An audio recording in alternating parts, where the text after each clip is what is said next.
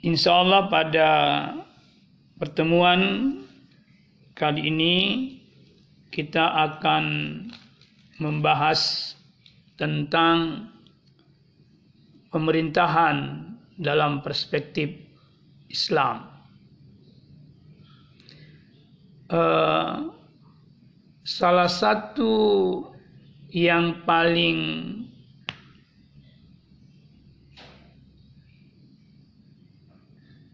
penting dalam kehidupan sosial masyarakat itu adalah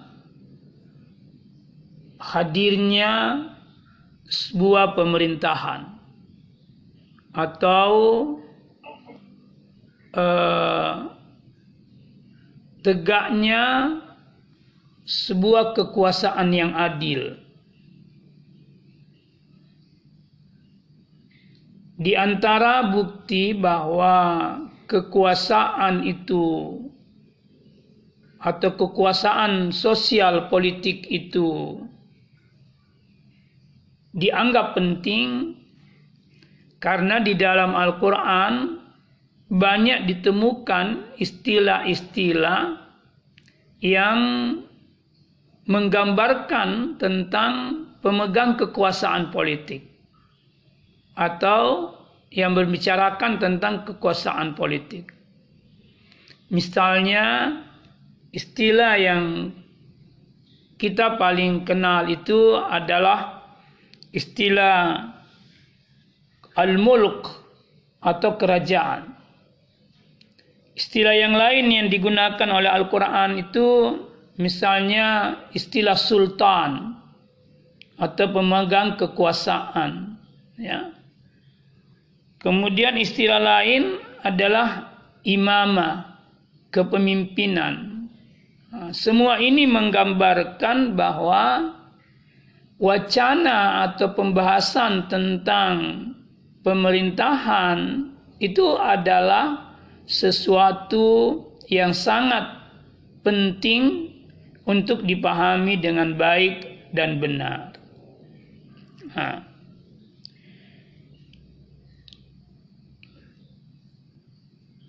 Di dalam Al-Quran, Allah berfirman di dalam surah Al-Imran ayat 26, A'udzu billahi. Kulillahumma katakanlah Muhammad Allahumma wahai Tuhan Malikal mulk pemilik kerajaan tu'til mulka man engkau berikan kerajaan kepada siapa yang engkau kehendaki. Wa tanzi'ul mulka mimman dan engkau mencabut kerajaan dari siapa yang engkau kehendaki. Wa tu'izzu man engkau muliakan siapa yang ke engkau kehendaki dari kekuasaan itu atau dengan kekuasaan itu engkau muliakan siapa yang engkau kehendaki. Wa tuzillu man tasya dan dengan kekuasaan itu engkau menghidangkan siapa yang engkau kehendaki. Biadikal khair di tanganmu lah segala kebaikan. Innaka ala kulli syai'in qadir. Sesungguhnya engkau maha kuasa atas segala sesuatu.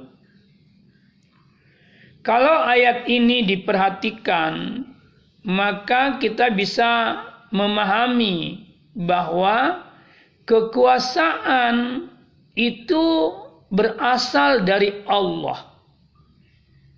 Allah lah raja di raja. Allah lah penguasa dan pemilik kekuasaan. Maka manusia yang berkuasa di bumi Sesungguhnya kekuasaannya adalah pemberian dari Allah Subhanahu wa taala. Jadi tidak ada penguasa di bumi ini yang kekuasaannya berasal dari dirinya sendiri. Kekuasaannya itu berasal dari Allah Subhanahu wa taala. Kalau penguasa itu menyadari bahwa kekuasaan yang dia miliki adalah kekuasaan dari Allah Subhanahu wa taala atau pemberian dari Allah Subhanahu wa taala, maka dia akan menggunakan kekuasaannya sesuai dengan kehendak atau keinginan sang pemberi kekuasaan. Nah, kalau seorang penguasa menyadari ini, maka dia akan menggunakan kekuasaannya berdasarkan keinginan dan kehendak Allah sebagai pemberi penguasa. Maka kekuasaan yang ada di tangannya itu akan mengantarnya menjadi mulia di sisi Allah karena dengan kekuasaan itu dia menegakkan kebenaran dan dia menegakkan keadilan sosial serta dia menciptakan kesejahteraan sosial. Tetapi kalau sebaliknya yang terjadi yakni penguasa itu tidak menyadari bahwa kekuasaan itu berasal dari Allah. Bahkan dia mengaku bahwa kekuasaan itu berasal dari dirinya sendiri. Maka kekuasaan yang dia miliki itu akan dia gunakan sesuai dengan kehendak dirinya. Karena dia gunakan sesuai dengan kehendak dirinya, maka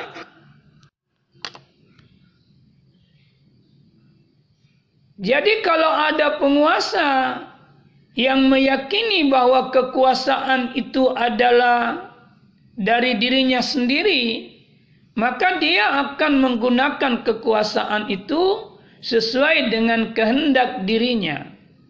Kalau dia sudah berkuasa berdasarkan kehendak dirinya, maka kekuasaan itu akan dia gunakan untuk kepentingan dirinya. Akhirnya apa? Terciptalah apa yang disebut dengan kezaliman sosial atau kerusakan sosial.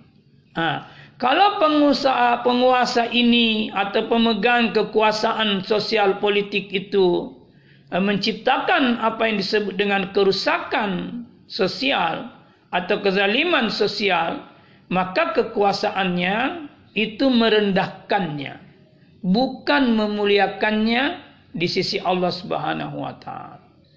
Nah, dari sini kita bisa berkata bahwa kekuasaan politik itu bisa menjadikan orang mulia di sisi Allah, tapi di sisi yang lain juga bisa menjadikan orang hina di sisi Allah Subhanahu wa taala. Boleh jadi ada orang yang kekuasaannya dengan kekuasaannya dia dihormati dalam kehidupan masyarakat dunia, tapi dia hina di hadapan Allah.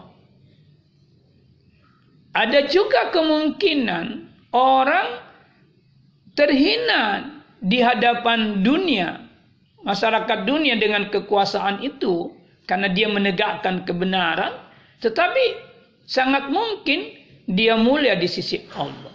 Jadi ukuran kemuliaan ke sebuah kekuasaan dalam perspektif pandangan Islam itu ukurannya adalah ukuran religius, ukuran agama. Kalau dia sejalan dengan agama, atau sejalan dengan kehendak-kehendak Tuhan, maka kekuasaannya adalah sesuatu yang mulia. Dalam sejarah kehidupan dunia, kita bisa melihat ada dua kekuasaan, ada contoh kekuasa penguasa yang uh, baik penguasa yang zalim yakni Firaun atau penguasa yang adil seperti kekuasaan mm, dan kerajaan Nabi Sulaiman alaihi salam. Baik.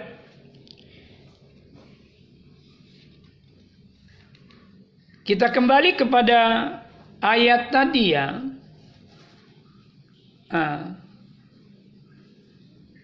Karena itu sebenarnya dalam pandangan Islam kekuasaan politik itu tidak bisa dipisahkan dengan agama. Tidak bisa dipisahkan dengan ketuhanan. Tidak bisa sama sekali. Jadi tidak ada pemisahan antara kehidupan sosial dengan agama. Tidak ada pemisahan antara kehidupan sosial dengan ketuhanan. Ketuhanan harus mencahayai kehidupan sosial atau agama harus mencahayai kehidupan sosial. Ya, barulah kehidupan sosial itu akan menciptakan apa yang disebut dengan keadilan sosial atau kesejahteraan sosial. Kalau kehidupan sosial atau pemerintahan itu jauh dari agama atau jauh dari nilai-nilai ketuhanan, maka kekuasaan politik atau kehidupan sosial itu dapat dipastikan dia akan jatuh pada penciptaan kerusakan-kerusakan sosial. Nih. Dan itu banyak buktinya di dunia modern sekalipun. Kita kasih contoh misalnya Amerika yang kita sebut sebagai bapak negara demokrasi. Ternyata negara yang paling tidak demokratis itu adalah Amerika. Nih.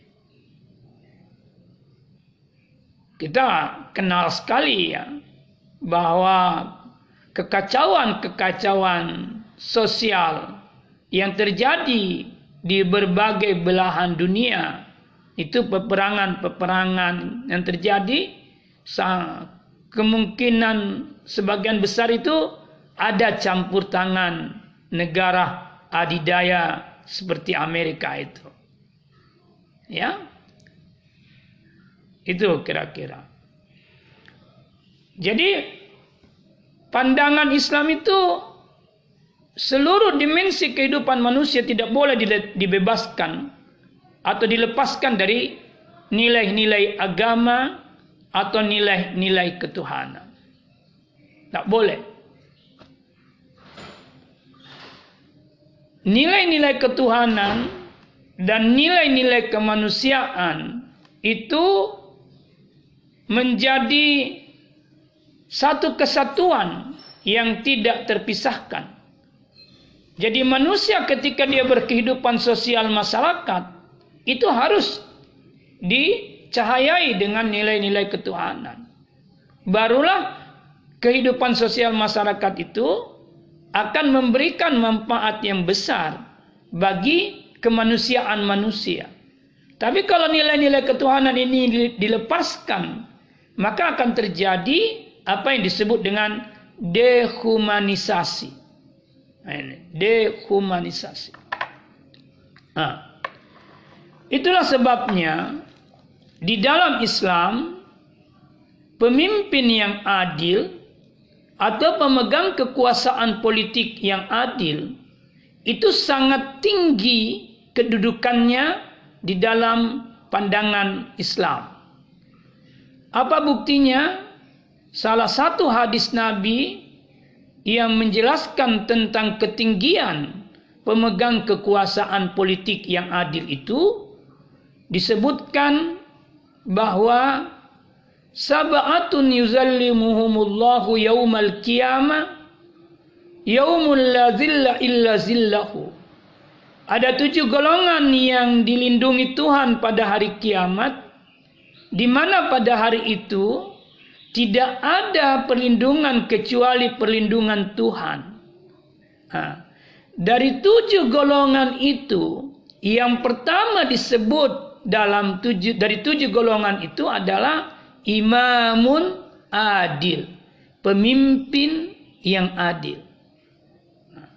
jadi menjadi pemegang kekuasaan politik yang adil itu sangat tinggi derajatnya kemuliaannya di sisi Allah. dialah orang yang pertama yang akan mendapatkan perlindungan dari Allah Subhanahu wa taala ketika tidak ada perlindungan kecuali perlindungan dari Allah Subhanahu wa taala. Kata adil yang mengikuti kata imamun adilun ya kata adil mengisyaratkan makna bahwa pemegang kekuasaan politik itu harus menegakkan keadilan harus menegakkan kebenaran dan keadilan ini dalam pandangan Islam itu bersifat universal. Dia tidak dibatasi oleh ruang dan waktu. Dia juga tidak dibatasi atau disekat dengan sesuatu termasuk oleh agama. Dengan kata lain menegakkan keadilan itu transreligious. Dia melampaui agama-agama. Dengan kata lain keadilan itu tidak khusus untuk agama tertentu, tidak khusus dengan suku tertentu, tidak khusus dengan eh, eh, masyarakat tertentu. Keadilan itu milik seluruh manusia. Karena itu Islam mengajarkan kalau pemimpin dan penguasa yang adil itu maka dia harus menegakkan keadilan kepada seluruh masyarakatnya. Apa dia beragama Islam atau dia non-Muslim.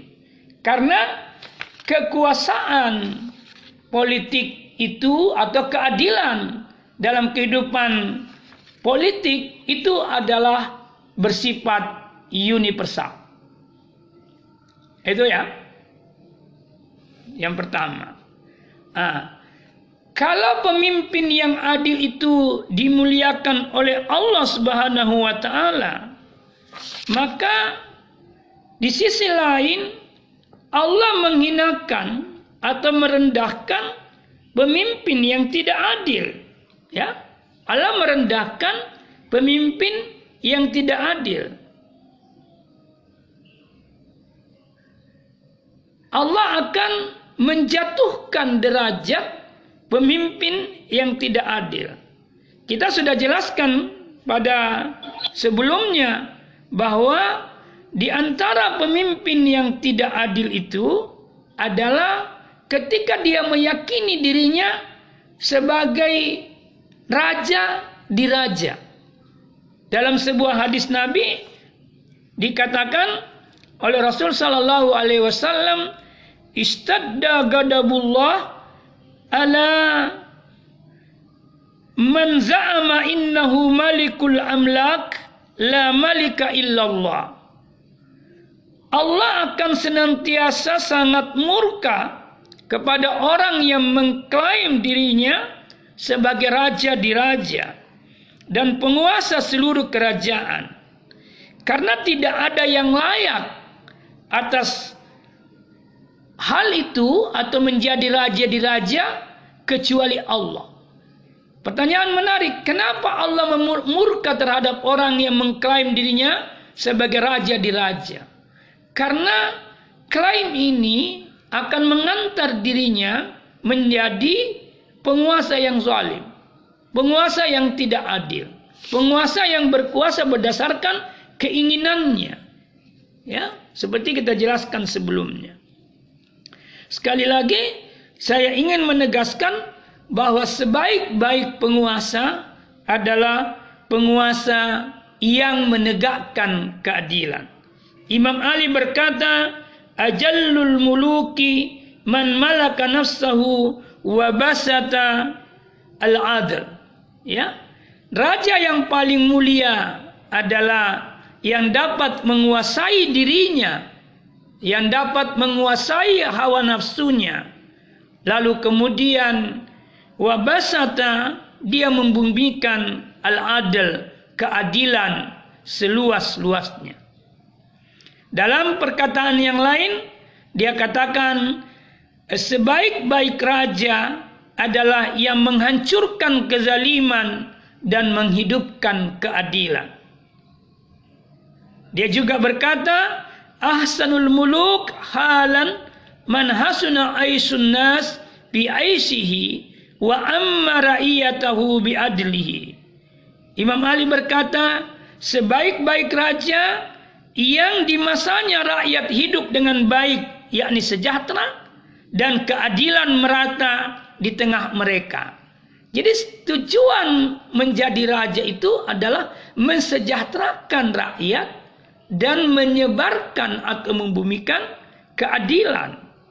Nah, Imam Ja'far As-Sadiq juga berkata, Abdalul muluk man u'tiya hisalin. Raja terbaik adalah raja yang memiliki tiga sifat. Yang pertama, dia raja yang penuh dengan kasih sayang. Kedua, dia raja yang dermawan dan yang ketiga, dia raja yang adil. Ini karakter raja yang mulia dan dimuliakan oleh Allah Subhanahu wa taala. Nih.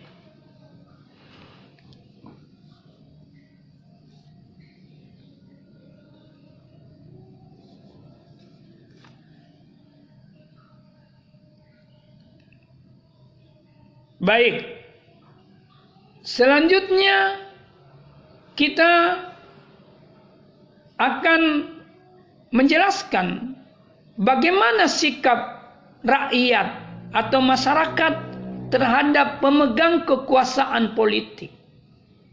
Bagaimana sikap masyarakat terhadap pemegang kekuasaan politik?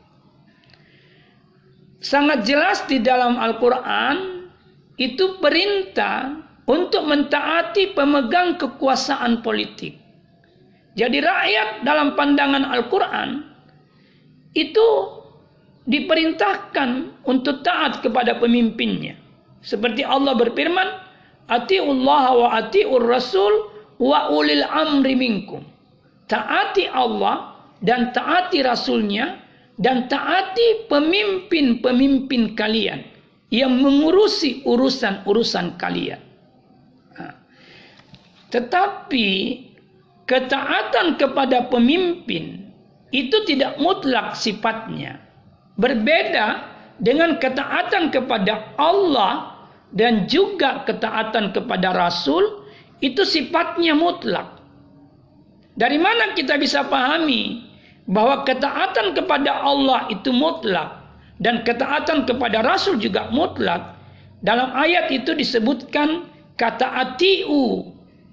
Atiullah taati Allah wa atiur rasul dan taati rasul. Jadi ketaatan kepada Allah ditegaskan dengan kata ati, ketaatan kepada rasul ditegaskan juga dengan kata ati. Maka ketaatan kepada Allah dan rasul itu bersifat mutlak. Kenapa ketaatan kepada Allah dan rasul itu bersifat mutlak?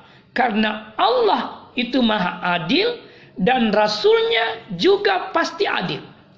Tidak ada rasul yang tidak adil. Tidak ada rasul yang tidak menegakkan kebenaran. Maka tidak akan kita menemukan kebatilan dari seorang rasul. Maka ketaatan kepada rasul merupakan ketaatan kepada Allah. Maka ketaatan kepada Allah bersifat mutlak, maka ketaatan kepada rasul juga harus bersifat mutlak. Berbeda dengan ketaatan kepada pemegang kekuasaan politik itu tidak mutlak. Karena itu di dalam ayat ini tidak disebutkan wa atiu ulil am, tidak. Langsung saja atiur rasul wa ulil am dan pemimpin atau pengurus urusan kalian. Ah.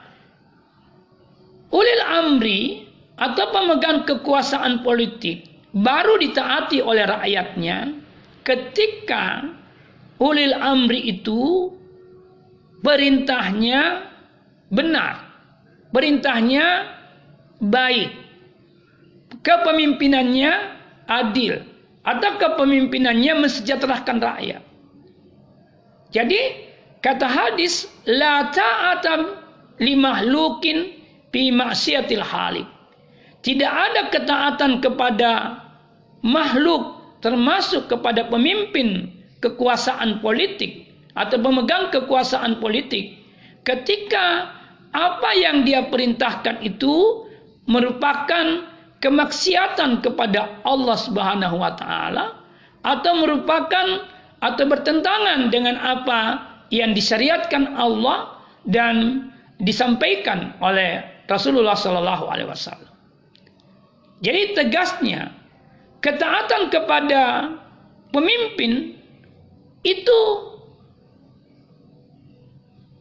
diperintahkan selama apa yang dia perintahkan itu tidak bertentangan dengan syariat Allah Subhanahu wa taala. Ini. Jadi kalau pemimpinnya adil, pemegang kekuasaan politiknya adil, dan rakyatnya adalah rakyat yang taat kepada pemimpinnya, maka di situlah akan tercipta apa yang disebut dengan masyarakat yang adil, masyarakat yang sejahtera, masyarakat yang hidup dalam kedamaian dan ketentraman. Jadi keadilan sosial, kesejahteraan sosial itu sangat ditentukan oleh kualitas masyarakatnya sendiri dan sekaligus kualitas pemegang kekuasaan politik itu sendiri. Tapi saya ingin tegaskan di sini bahwa baik tidaknya pemegang kekuasaan politik itu sangat ditentukan oleh kualitas masyarakatnya atau kualitas rakyatnya. Itu ya. Karena itu diisyaratkan oleh banyak riwayat hadis yang mengatakan bahwa yang mengisyaratkan bahwa kekuasaan politik yang adil dan mensejahterakan itu sangat ditentukan oleh kualitas masyarakat dan rakyatnya. Misalnya kata Nabi dalam sebuah hadisnya saya di akan datang suatu masa ala ummati kepada umatku Ya. Masa apa yang dimaksud oleh Nabi? Saya zamanun ala ummati. Akan datang sebuah masa atas umatku. Zaman yang dimaksud itu cirinya ada tiga. Yang pertama, la ya'rifunal ulama'a illa bizaubin hasanin dia masyarakatnya atau umat itu tidak lagi mengenali ulamanya kecuali hanya karena indikator pakaian yang indah. Dengan kata lain, masyarakat itu sesungguhnya tidak lagi mengenal ulamanya. Berdasarkan ilmunya, berdasarkan kualitas spiritualnya, dan berdasarkan moralitas akhlaknya. Jadi ulama itu bisa dilihat bahwa dia ulama baik dan ulama buruk berdasarkan ilmunya yang dalam atau ahlaknya yang mulia dan kualitas spiritualnya atau hubungannya dengan Tuhan yang sangat dalam. Ini ulama yang baik yang takut kepada Allah. Nah, kalau masyarakat itu tidak lagi menjadikan ini ukuran keulamaan, tapi yang dia menjadikan ukuran keulamaan itu adalah hanya pakaian keulamaan, misalnya bersurban dan sebagainya. Ya, maka ini salah satu ciri masyarakat yang akan menghadirkan pemerintahan yang buruk. Ini ciri yang pertama. Dengan kata lain, masyarakat itu tak mengenal lagi agama, tak mengenal lagi, tidak ada lagi rujukan ulama, Ulama tidak menjadi rujukan dalam kehidupannya. Orang yang takut kepada Allah tidak menjadikan dijadikan sebagai tempatnya bertanya dalam segala problem kehidupan. Ciri yang kedua, sama yang dimaksud oleh Nabi adalah la ya'rifunal Qur'ana illa bisautin hasanin. Dia tidak lagi mengenal isi Al-Quran kecuali Quran itu tinggal eh, sautin hasanin tinggal lapas-lapas yang disuarakan dengan suara indah. Nah, itu. Jadi kita kagum ketika orang mengaji dengan penuh keindahan suara dan penuh dengan tajwid dan tahsin. Tetapi isi dari Quran itu tidak dikenali oleh rakyat dan masyarakat. Dengan kata lain, Quran itu tidak terbumikan dalam kehidupan sosial nyata, tetapi dia hanya eh, eh, dimainkan hanya pada wilayah lagu, pada wilayah eh, suara, intonasi dan sebagainya. Jadi dia hanya bermain di lisan, tapi tidak ada di pikiran dan tidak ada di hati dan tidak ada di action. Nih. Ini ciri yang kedua. Ciri yang ketiga, kata Nabi, la ya'budunallaha illa bi syahri Ramadan. Illa bi syahri Ramadan. Dia tidak menyembah Allah secara maksimal atau secara beramai-ramai atau banyak kecuali pada bulan Ramadan. Jadi penyembahan kepada Tuhan itu ramainya di bulan Ramadan. Di luar Ramadan tidak, masjid sunyi.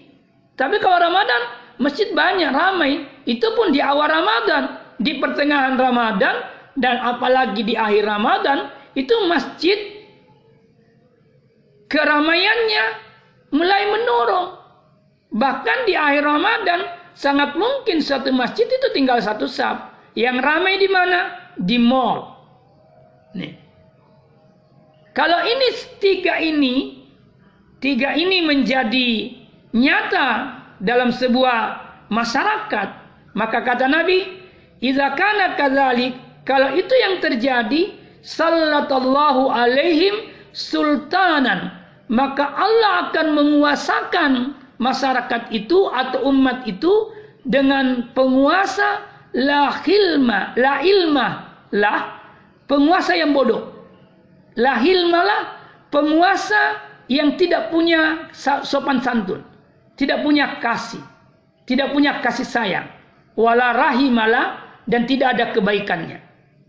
Nah, dari hadis ini kita bisa melihat ya kembali menegaskan bahwa kalau kehidupan sosial masyarakat itu atau rakyat itu atau umat itu pada umumnya jauh dari agama, jauh dari Tuhan, jauh dari Al-Qur'an, jauh dari ulama, jauh dari penghambaan kepada Allah yang sebenarnya, maka akan menghadirkan pemimpin-pemimpin yang bodoh, pemimpin-pemimpin yang tidak punya ilmu, pemimpin-pemimpin yang tidak punya kasih sayang, tidak punya sopan santun, pemimpin-pemimpin yang tidak menghadirkan kebaikan atau rahmat bagi masyarakatnya. Nah, di sini kita bisa melihat ya, bagaimana hubungan antara penguasa dan rakyat yang baik dengan agama. Di sini lagi kembali kita mengatakan bahwa agama menjadi prasyarat mutlak atau nilai-nilai ketuhanan menjadi prasyarat mutlak untuk menciptakan sebuah masyarakat yang adil dan masyarakat yang sejahtera.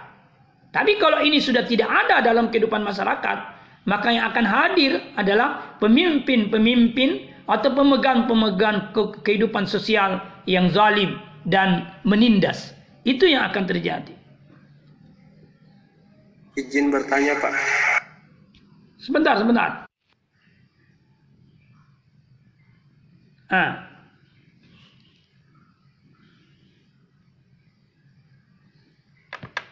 Karena itu kita sebagai rakyat ya yang kita harus minta ya adalah penguasa yang adil. Kita sebagai rakyat harus memperbaiki diri kita sehingga yang akan dengan kebaikan diri kita dengan tegaknya agama dalam kehidupan sosial kita, maka insya Allah Allah akan memberikan penguasa yang adil.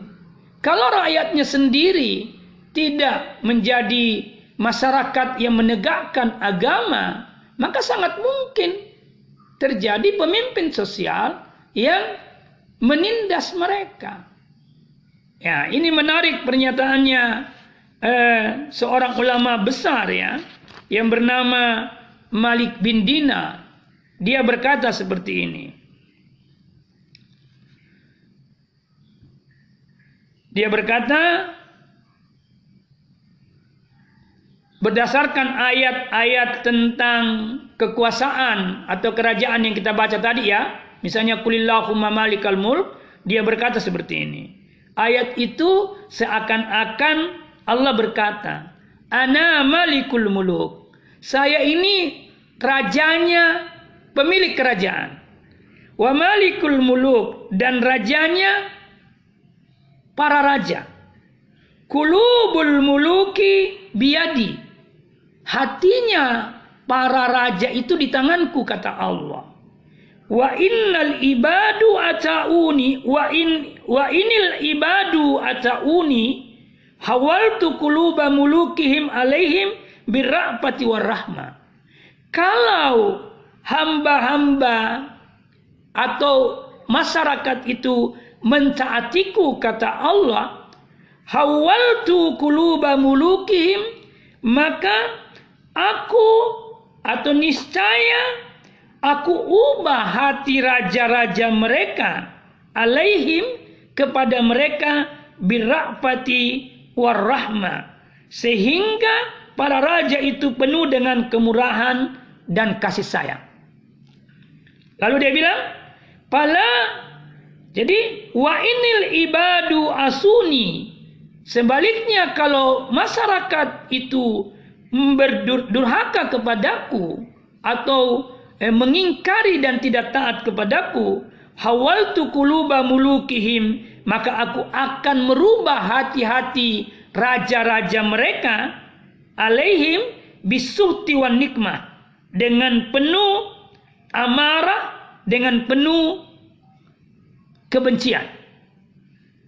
Lalu dikatakan, "Bala tuskilu ampusakum biduai alal muluki." Maka janganlah engkau menyibukkan dirimu, ya, menyibukkan dirimu untuk mendoakan keburukan kepada raja-raja. Tetapi yang harus kita lakukan adalah ud'ulahum bisalah. Doakanlah kebaikan untuk mereka. Ya. Fa inna salahuhum salahahum bisalahikum. Ini yang paling penting. Fa inna salahuhum karena sesungguhnya kebaikan mereka bisalahikum. Itu tergantung kepada kebaikanmu. Jadi kualitas pemerintah yang baik itu tergantung pada kualitas rakyat. Inilah sebenarnya yang dimaksud demokrasi itu dari rakyat untuk rakyat, ya. Dari rakyat untuk rakyat oleh rakyat. Jadi kalau rakyatnya baik, beragama, taat kepada Tuhan, insya Allah pemimpinnya seperti itu. Tapi kalau rakyatnya tidak seperti itu, maka sangat mungkin pemimpinnya juga eh, akan menindas mereka. Nah, jadi itu hubungan, eh, begitulah kira-kira pandangan Islam terkait dengan hubungan antara hubungan timbal balik antara pemegang kekuasaan politik yakni eh, para raja misalnya atau para pemimpin misalnya dengan uh, uh, uh, uh, rakyatnya atau rakyat dengan pemimpinnya. Nah, sekali lagi saya ingin tegaskan bahwa agama sangat menentukan kualitas masyarakat, sosial masyarakat dan kualitas pemimpinnya.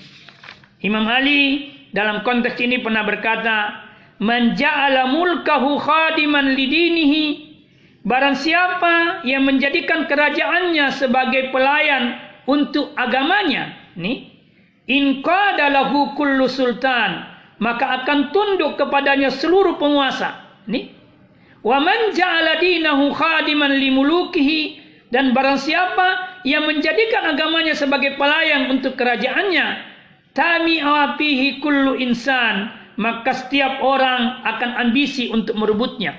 Nah, ini pernyataan yang indah sekali.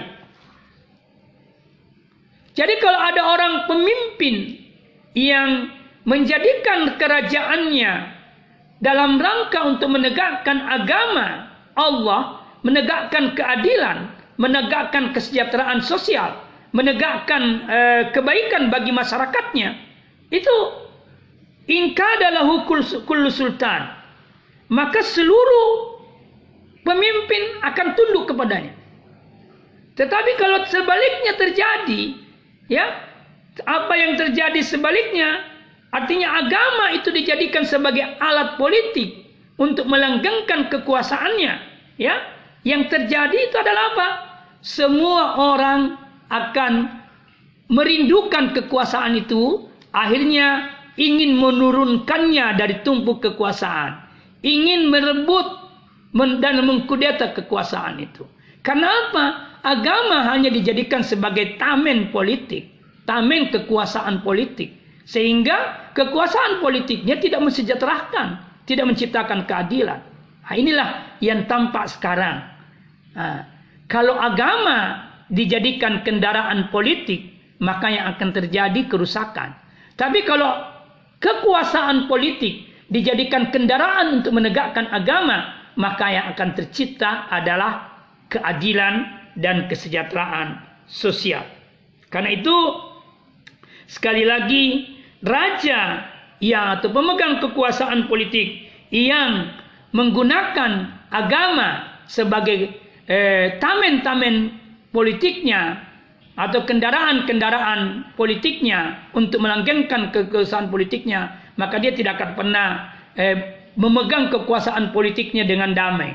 Kekuasaan politik yang ada di tangannya bagaikan bara api yang menyekamnya.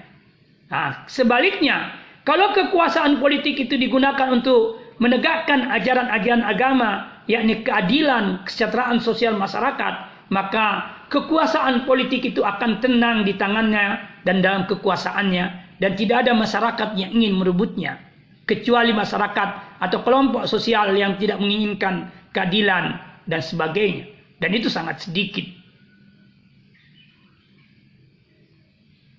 nah itulah sebabnya di tempat lain Imam Ali berkata idza banal maliku ala kawaidil adli wa da'ama bid'ai bid'aimil aqli nasarallahu muwaliyahu wa hazala muadiyahu.